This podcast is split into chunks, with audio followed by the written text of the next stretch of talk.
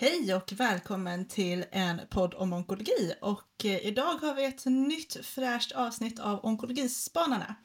Eh, och med mig i den vanliga spanarpanelen så har jag med mig Adi och Meis och vi ska avhandla tre spännande ämnen idag.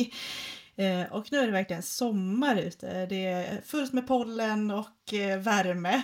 Det är så härligt men också bittersweet när ögonen svullnar. Precis, det är precis det man ser fram emot, eller hur? Eh, men eh, vi har sen senaste avsnittet så har vi ju Mace som faktiskt till och med disputerat och du har ju ett spännande ämne Kanske, kanske inte i relation som kanske berör det, men grattis Mace till disputation. Jo, grattis Mace. Ja, men tack så mycket.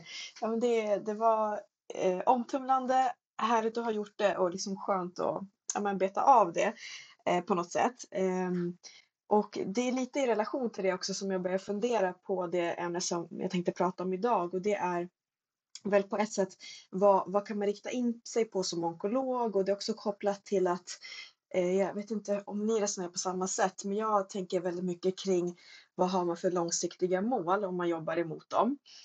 Eh, i, ja, men i jobbet men även i annat också. Och hela tiden har jag haft de här två målen framför mig. Det ena var att disputera och det andra var att bli specialist och disputationen är nu avbockad. Eh, men sen kommer jag bli, om allt går bra, specialist om lite drygt ett halvår. Eh, och plötsligt så står man där, tänker jag, om man har gjort det här som man har tänkt på hela tiden väldigt länge och vad händer sen? Eh, och det är väl säkert ett helt ämne i sig att man, ja men vid alla de här typerna av förändringar så händer det nog saker med en, tänker jag i alla fall med mig. Eh, och vad kommer hända efter det? Och jag tycker att vår läkarutbildning är ganska så tydlig. Man, man tar examen och så gör man AT eller BT och så blir man specialist. Och sen då? Eh, och det är ju inte bara för onkologer utan det är ju egentligen för alla läkare. Och då börjar jag spåna lite kring eh, jag tror att det här med att man tidigare så var det ganska vanligt att man kanske jobbade 30 år drygt, ofta på samma ställe. Kanske med samma typ av patienter eller diagnosgrupper eh, och med lite andra sidouppdrag. Men jag tror faktiskt inte att det här kommer vara normen snart utan jag tror att man ofta vill kanske blanda in annat eller pröva på olika arbetsplatser eller liknande. Ehm, och då börjar jag fundera på, för man pratar lite med kollegorna, ah, men vad vill ni göra, vad vill ni rikta in er på? Men också vad finns det för annat man kan göra som läkare? Och det här gamla vanliga, det är det. industrin finns ju såklart, speciellt tror jag som onkolog eh, och särskilt om man har disputerat för då finns det nog en hel tänker jag mig, jag vet inte, en värld av spännande projekt man kan gå in i och, och utvecklas. Um, också klurat lite kring den akademiska biten. Man kan ju fortsätta forska om man vill det. Eh, och eh, jag tror att det som ändå är så gemensamt är att det här med att jobba kliniskt 100% tror jag eh, att fler och fler kommer gå ifrån. Vad, vad tänker ni om kring det? Är det en korrekt spaning eller tror ni att det fortfarande är så att det vanligaste är att jobba måndag till fredag och ibland helger och så? Inte göra annat än det. Mm, men jag håller med dig. Eh, jag tyckte också det var en ganska intressant eh, beskrivning du gjorde där i början. Du sa du hade haft två mål, du ska disputera, du ska bli onkolog eller du ska bli specialist. Och sen så checkar man av en ruta, alltså, men nu har jag disputerat, check. Och sen så checkar man av, nu är jag specialist, check. Och så har det egentligen varit, i alla fall också för mig, fram tills nu, att man säger, ja men nu har jag gjort läkarprogrammet, check, nu har jag disputerat, check, nu har jag gjort AT, check, specialistutbildning färdig, check. Och sen så vad ska man checka av sen? Ja, men är det att man ska jobba sig vidare i den kliniska karriären eller ska man göra någonting annat? Och, eh, eh och det är väl där jag själv kan känna liksom att man hamnar i någon slags eh, livskris där man inte vet vad finns det för möjligheter, vad vill jag, jag vet inte. Eh, och precis som du säger mig så känns det som att man eh, nu vet jag liksom inte riktigt om det är sant, men man har haft eh, väldigt mycket fokus på kliniken eh, förut där man tänker att man ska jobba kliniskt som läkare men att det nu blir tuffare och tuffare att jobba kliniskt på heltid. Det är få som jobbar att, eh, som orkar att jobba 100% kliniskt, i alla fall kanske hos oss, jag vet inte om det är så i resten av landet. Eh, men att man behöver ha andrum med lite andra uppgifter, kanske forskning, kanske något annat administrativt. Plus att man ser Eh, också andra yrkesgrupper som har lite mer flexibilitet i schemat, vilket man inte har när man har patientmottagning. Och det här med att man då skulle söka olika möjligheter, liksom vad man ska göra för något och sysselsätta sig med. Om man nu tänker som mig som du sa att eh, någon slags norm har då varit när man har checkat av sina rutor att man jobbar 30 år kliniskt. Jag tycker det är ganska intressant. Är det, en, är det för att det finns fler möjligheter idag? Eh, är det en generationsfråga? Att man söker efter andra saker eller vill ha ett, ett annat liv? Har liksom en del av den här vad man kanske kan kalla plikten gentemot sitt, eh, sitt yrke, har den förändrats? Att man ser inte bara det kliniska arbetet som ens primära enda åtagande i alla fall. Eh, jag, jag tror att sådana saker spelar roll också. Tillsammans med att många av oss i alla fall upplever att sjukvården har förändrats mycket. Eh, och det blir mer och mer pressat och det sliter mer och mer. Men jag vet inte, så kanske man har pratat i alla decennier. Ja, men jag tror du är inne eh, på någonting där som är också att man eh, jag tror att förr i tiden kanske man ofta sa så här, men jag är läkare eller man såg det mer som ett kall eller sjuksköterska också. De var ju tvungna att bo på sjukhuset tror jag för hundra år sedan så där och verkligen ge upp resten av livet. Eh, Medan vi idag oftare eh, kanske benämner oss som jag jobbar som läkare till exempel. Och det kanske låter som en så språklig distinktion bara enbart men det säger ju någonting om att ja, min identitet ligger inte enbart i mitt yrkesliv utan även i någonting annat. Så jag kan tänka mig att det spelar in tror jag. Eh, men också sådana här saker som du nämnde Ali, att ja, men Eh, för att hinna, eller om det var du Lisa som sa att för att hinna med annat också. Bara sådana jättelarviga exempel som hinna gå till tandläkaren eller kanske göra något med barnen eller ni vet, allt det här som ändå händer i livet är ju svårt att få in om man har bokade patienter hela, hela tiden. Det går inte bara att gå mitt, mitt på dagen och komma tillbaka till exempel. Och då kan det också vara så att har man en administrativ roll. Man kanske, eller man kanske har en dag ibland på en myndighet, typ Läkemedelsverket eller eh, RCC eller liknande, eller forskning. Då blir man ofta, kan bli, lite mer flexibel. Det tror jag lockar många. Eh, och även om det tror jag i slutändan kanske innebär att du borde jobba lite mer på kliniken än vad du skulle ha gjort och också lite mer med det här andra du gör så, så är det ett val man har gjort själv. Och jag upplever att även om jag har mycket att göra, har jag valt det själv då kan jag hantera det på ett helt annat sätt än ifall det är ålagt mig utav någon annan. Ehm, det tror jag påverkar också väldigt mycket så här, känslan av kontroll över sin situation. Ehm, och det anordnas, anordnas ju ibland eh, vad heter det, karriärkvällar utav Läkartidningen har jag sett. Jag har inte varit på dem själv tyvärr. Där andra berättar om sina karriärval. Och det brukar vara ganska lika tror jag, lite chefskap och lite, inte forskning brukar det inte vara, men någon typ av företag eller industri eh, och sen alltid någon som gjort någonting jättehäftigt, typ en expedition i Amazonas eller liknande. Eh, men det hade varit väldigt kul att få höra lite mer om vad, vad gör andra läkare eller onkologer? Det hade varit kul att ha ett forum för det känner jag bli inspirerad. Mm. Egentligen skulle man ju nästan behöva någon typ av prao där man bara får skugga någon person i olika yrkesroller. Så här, ja, men vad gör en onkologalumni.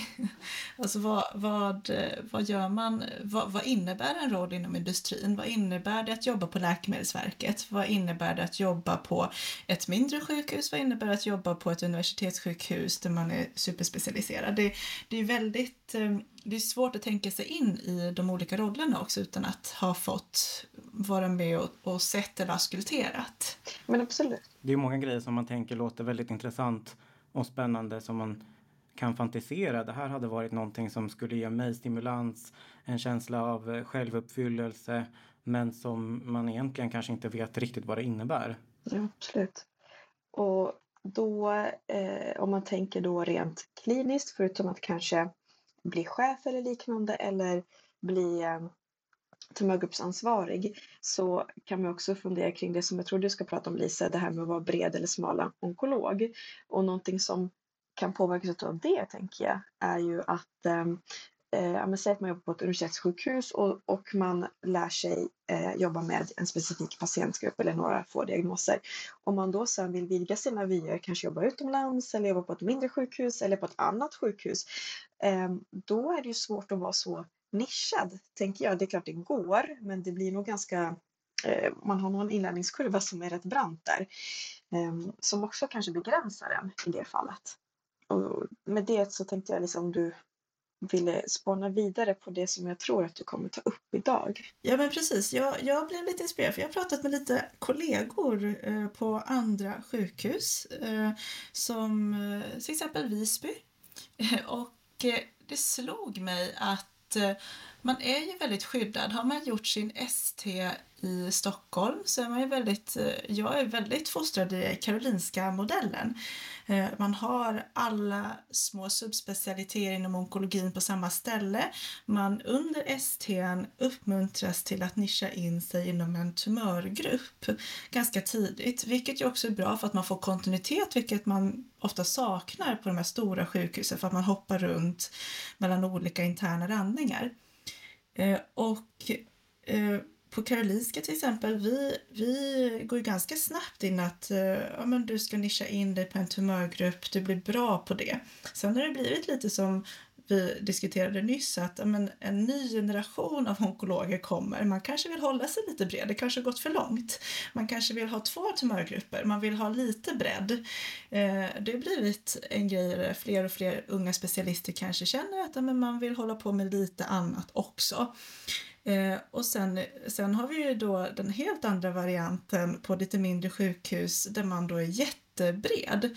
Man har en mottagning, och jag vet inte hur det är i Örebro, men, men att man har liksom, man kan ha en patient med bröstcancer, sen är nästa patient en prostatacancer, så man har, har man någon GI-patient, alltså helt blandat och det skulle ju inte hända även om man hade en blandmottagning på Karolinska. Men då är liksom nästa fråga, för att jag satt ju ungefär vid den här tiden och bestämde mig förra året för att jag skulle göra SMO-tentan. Vilket är då ett annat tips för alla som lyssnar att nu börjar det vara dags att anmäla sig till SMO-tentan. Kan starkt rekommendera att man skriver den för att det var väldigt, väldigt bra inlärningsprocess. Eh, men då insåg jag hur mycket det har hänt innan varje tumörgrupp. Alltså så länge sedan var det inte jag, sedan jag började ST i alla fall. Eh, och sen de sex åren så har det ju bara exploderat i olika behandlingar, behandlingsalgoritmerna är avancerade. Eh, att lära sig all onkologi för alla tumörgrupper är ju ett jättearbete och dessutom hålla sig uppdaterad kring det. Alltså hur, vad, vad tänker ni? Tror ni att man kommer kunna vara en allmän onkolog och hålla koll på det eller kommer vi behöva ha supernischade och hur ska man, hur ska man hålla sig uppdaterad? Hur, hur, hur ser framtiden ut egentligen? En jättebra fråga. Jag tänker också en hel del på det där och jag känner mig lite tudelad. För å ena sidan är det som att jag ibland vill, eller inte vill tro, men tror att det här sanna allmänonkologins tid är över. För att det känns så oerhört svårt att vara bred. Liksom så, så pass bred att man då ha, skulle kunna ha en helt oselekterad onkologisk mottagning. Eh, samtidigt som jag förstår att det är också den verklighet som många av våra kollegor ute i landet arbetar i. Eh, och, och, och, och, det är så. Mm. Ja men precis och jag, nu kanske ni tycker att av vad tröttsamt slänga in AI i allting. Men jag har en tanke så här att det är ju inte rimligt att alla kan vara varken jättebreda eller superspecialister. Eh, och eh, är man då på ett mellanstort sjukhus eller ett litet sjukhus så antar jag att man även där har i alla fall några diagnoser, såklart fler än på ett större sjukhus men som man ska behärska relativt väl. Och då undrar jag, jag tror inte att det kommer gå att bli lika duktig som förr och kunna allt om man säger så i citationstecken. För att det som ni säger, det är så himla mycket nya behandlingar och komplikationer och allting som sker hela tiden. Men däremot om man då skulle kunna ha tillgång till ett väldigt bra beslutsstöd som kanske snabbt kan sammanfatta, ja men det här är det senaste inom inte vet jag, eh, primär hepatocellulär cancer. Att första, andra, tredje linjen och så vidare. Och sen har man såklart alltid tillgång till någon klok kollega, och kanske mer på nationell nivå man har haft tidigare, som man kan rådgöra med. Och då tror jag att det kan ju då underlätta eh, en onkologs arbete. Eh, för jag tror väl lite som du Ali, att jag tror inte att det går att kunna vara så där klassisk superbred och bara kunna ta allt som, som kommer i ens väg och handlägga det på allra bästa sätt. Det tror jag är väldigt svårt. Och det känns som att den här utvecklingen som är inom onkologin, att den blir mer, mer och mer spetsig på något sätt. Det gör ju frågan om eh, fortbildning ännu, ännu viktigare. Särskilt då i väntan på om vi tänker oss några AI-modeller som ska kunna liksom hjälpa oss i beslutsfattande eller eh, att resonera kring olika alternativ. Eh, kanske ännu mer på de platser där man jobbar med många olika tumörgrupper som ensam, ensam läkare. Det, det finns ju jag kan inte tänka mig ett annat sätt som ska hjälpa en att hålla sig tillräckligt uppdaterad för att man ska känna sig tillfreds och att man erbjuder den, den bästa vård man kan erbjuda. Ja, men det kanske blir så, för att man inser ju också att det kommer ju vara i princip omöjligt med, med den vårdstrukturen som vi har med alla små kliniker och men Sverige är inte så stort, vi har inte så stort patientmaterial eh, att, att vi har så många patienter inom varje diagnos i rullning. Eh, så att kunna vara superspecialiserad eh, på varje litet sjukhus där man har onkolog eh, kommer ju vara svårt. Men sen kanske det blir så här att man har de som är mer eh, att man har mer allmän onkologer som håller en bredd eh, och sen har man de här eh, större klinikerna där man har den här spetskunskapen då där man får kanske inkludera Eh, i olika terapikonferenser. Man får, jag tror att det blir viktigt, precis som du säger det med fortbildning, att man möts. Onkologi-Sverige behöver ha mötesplatser där man då träffas och diskuterar de här nya uppdateringarna, eh, där man får reda på informationen. Eh, liksom vilka informationskanaler har vi? Eh, och det var jag lite inne på förut också med i ett föregående avsnitt om till exempel onk onkologidagarna. Det är ett bra mötesplats för svenska onkologer där vi inte har varit så bra på läkarsidan att mötas. Eh, men jag tror att det kommer bli ännu viktigare med sådana forum. Sen bara en, en nördig tanke. Men eh, ibland undrar jag om det här skulle kunna vara någonting som kommer att, att gå i vågor om man tänker i ett framtidsperspektiv ganska långt fram. Men eh, om det nu har varit så att vi eh, som onkologer nischar in oss mer och mer och sen så finns det en aspekt att eh, den generation av lite yngre onkologer som kommer kanske, som du sa Meis, i alla fall skulle vilja ha något mer än ett tumörområde att jobba med för att man inte vill begränsa sig lika mycket och fundera på att hålla vissa dörrar öppna om man vill pyssla med någonting annat som inte är det rent kliniska arbetet.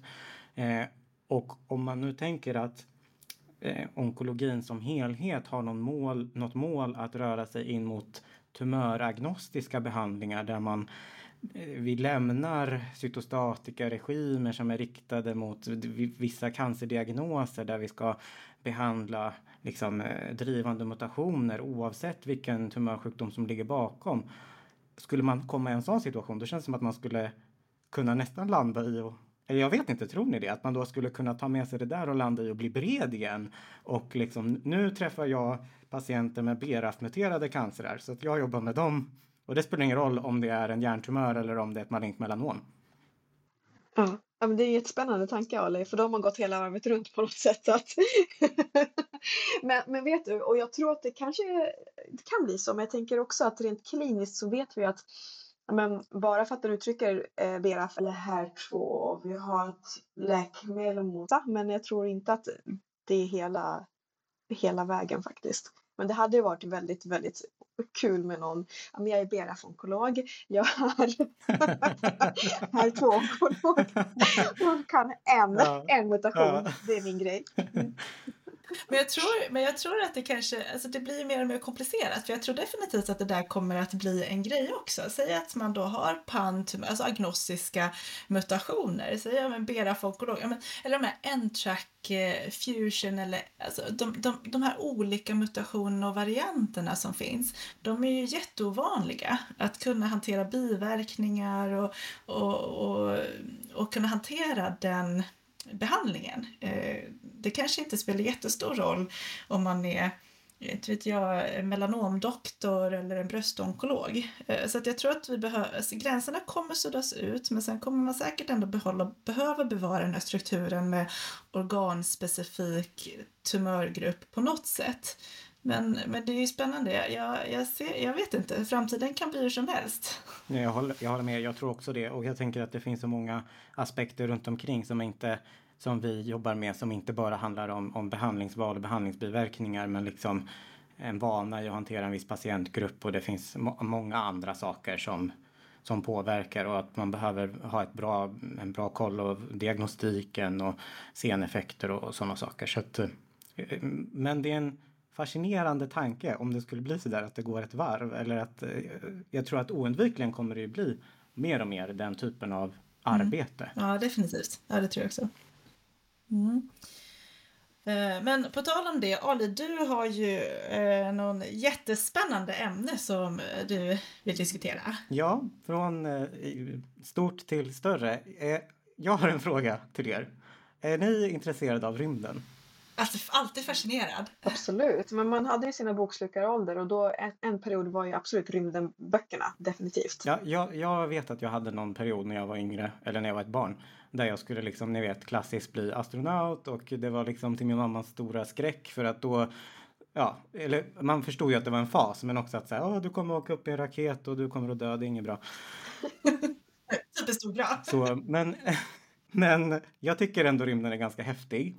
Och jag stötte på en intressant nyhetsartikel som handlade om en privat bemannad rymdfärd eh, som nu i slutet på maj åkte till den här internationella rymdstationen ISS. Och det var en besättning av fyra personer och de hade som huvudsakligt uppdrag att genomföra olika medicinskvetenskapliga experiment. Och det var också det andra kommersiella rymduppdraget till den här stationen någonsin. Och jag tyckte det var spännande för att eh, man tänker sig att de här privata rymdfärderna kommer bli vanligare och vanligare. Och för mig känns det som att det skulle vara kopplat till astronomi och rymdforskning om man ska bedriva forskning i samband med de här resorna. Så jag har inte tänkt så mycket på att det skulle vara kopplat till medicinsk forskning. Men i den här artikeln som jag läste då så hade de ett uppdrag som hette Axiom Mission 2. Väldigt fancy. Och då var de borta i ungefär tio dagar och eh, skulle undersöka bland annat hur mikrogravitation, alltså frånvaron av jordens kraftiga gravitationsfält, skulle kunna underlätta odling av stamceller med bättre kvalitet och så att de är av liksom fler till antalet och att de skulle ha någon slags starkare pluripotens. Det här med att de kan bilda alla möjliga kroppens celler eftersom de då inte påverkas av någon form av vad är fram och bak och upp och ner som gravitationen ändå bidrar med. Och de hade med sig olika så bioengineered vävnad från lever och njurar där de ville se om lägre gravitationskraft kunde underlätta vaskulariseringen av de här organen. Och sådana här saker hade då varit tillämpbart inom till exempel transplantationsmedicin. Och eh, ja, till och med så var det, det var någon cancerforskare som var med där och undersökte olika bröstcancerceller och det finns en idé om att man eh, om man undersöker dem i den här mer isolerade miljön ska man kunna förstå olika cellers egenskaper och få liksom nya idéer om olika terapier och så. Och eh, det var ganska coolt. Väldigt sci-fi. Jag tror att det är väldigt långt ifrån att liksom tillämpas på riktigt. Men det var också en annan forskare som jobbade med det här som pratade om att så här, ja men vi har ju använt medicinsk forskning i rymden allt sedan 80-talet och det är till exempel hjärt-kärlsjukdom, osteoporos förstår vi mycket bättre och olika immunologiska processer. Men de, den här gruppen hade då liksom någon ultimat dröm om att de skulle kunna hitta någonting som man kan producera eller odla i rymden som man sen skulle kunna ta med till jorden och då ja, tillämpa i global hälso och sjukvård. Det, det är ju superhäftigt men äh, ja, jättecoolt. Ja, det är verkligen, det är verkligen sci-fi och verkligen superintressant. Eh, tänk liksom om man skulle kunna odla olika organ upp i rymden, skeppa ner dem ja, ja. och sen så tänk, kan man bara tänk om man engineer the human. Eller, eller att man ska ha så här farkoster som snurrar runt liksom jordens kretsbad med så här bara levrar och typ njurar och så kan man bara, nu behöver jag njurtransplantation så nu Jag vet inte, det, det, är ju, det finns jättemycket etiska konstigheter i det. Men alltså... What? Nej, det är jättespännande. Men, men hörni, är det inte bra för cellerna att veta vad som är upp och ner och fram och bak och så? Eller? För jag tänker att redan nu så kan man göra jättemycket häftiga saker i ett vanligt labb på jorden. Men så fort man ska överföra det till en person, till en människa, så bara så funkar det inte. Och vad händer då om man tar de här rymdcellerna ner på jorden i en människa? Nu är jag, lite, jag vet jag är lite skeptisk, men, men jag tror att det är, det är superhäftigt, verkligen. Men, men det kanske är lite, lite långt steg att tänka sig snurrande levrar runt eh, jorden. Plus att jag har lite svårt att förstå. Kan man inte åstadkomma den här tyngdlösheten liksom i ett labb på jorden bara? Och, eller, ja, liksom, fast det kanske... Ja, ja. Gravitationsfritt rum. ja, det kanske är mindre dyrt att skicka upp folk i rymden nu för tiden. Det har ju blivit mer och liksom enklare. Men det är faktiskt väldigt spännande. Ja, jag tycker det är väldigt spännande just det här med rymdforskning för att jag eh, träffade en, eh, det var faktiskt en doktorand när jag själv höll på eh, och gick en kurs i USA och hon pratade om att eh, de brukade skicka upp möss med astronauterna som åkte upp. Så då brukade labbet skicka upp några möss och sen så fick de åka upp i rymden och sen kom de tillbaka och så tittade de på dem igen. Så det var ju jättespännande. Men astronauterna blir ju verkligen så här, de ska hantera allt. De ska hantera mössen och de ska hantera allting som har med, eh, ja inte vet jag, hela raketen att göra. Det är, men det, det är en väldigt spännande tanke. Tänk om vi skulle kunna expandera resurserna och också så här det här med hypotesskapande kunskap, eh, att hitta någonting eh, som vi kan vidareutveckla på jorden. Det kanske är det, den biten som är det mest realistiska ur allt det här. Eh, kanske inte att det ligger så nära till hands att man eh, ska hitta odla stamceller och som direkt ska ner på jorden och liksom in i en patient utan mer att man som du säger hypotesgenererande att man kan eh, se saker som man inte hade gjort på jorden och som man sen kan jobba vidare med på jorden. Ja, det låter helt rimligt att grundforskningen kan ta kanske jättestora kliv med hjälp av det här. Ja, det vore superspännande. Får man repetera sina eh, också allt det här med eh, relativitetsteorier vad händer om vi skickar iväg folk och celler tio år framåt i tiden och allt sådant. Och det pågår ju jättemycket forskning om eh, där man också försöker att få en bättre koll på vad som händer med människan som har gjort de här resorna och jag vet att de i den här besättningen då fick lämna blodprover innan och efter och de skulle kolla på olika DNA eh, se hur DNA-reparationsenzymer fungerar de som de skadar uppe får de mycket jag såg det var verkligen bara någon kommentar om att man har sett att de som gör de här rymdresorna har en ökad risk att drabbas av olika tumörsjukdomar och ja.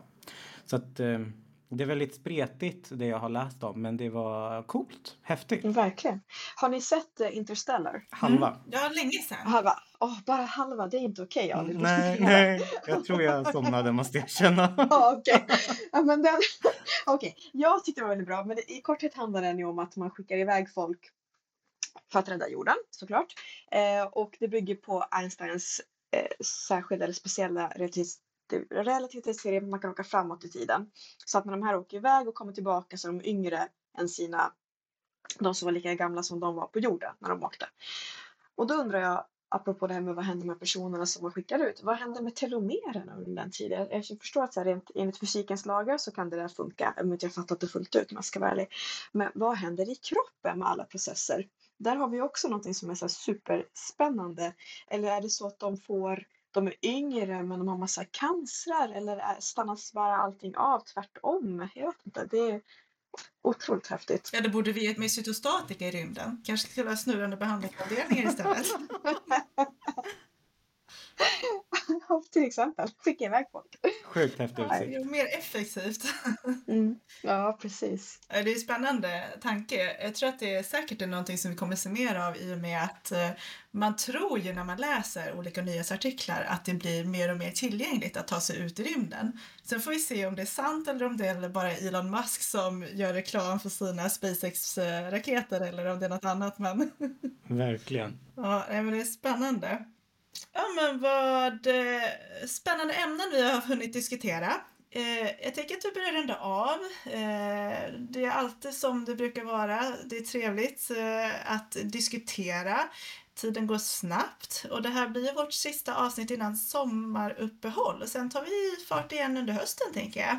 Med nya spännande ämnen. Det gör vi. Absolut. Bra, som vanligt så är det, vet vi vart ni hör av er om det är så att ni har synpunkter eller andra önskemål på diskussionsämnen att ta upp. Eh, och annars så ses vi till hösten. Ha en bra sommar alla som lyssnar. Hej då! Ha det så bra. Hej då! Hej då!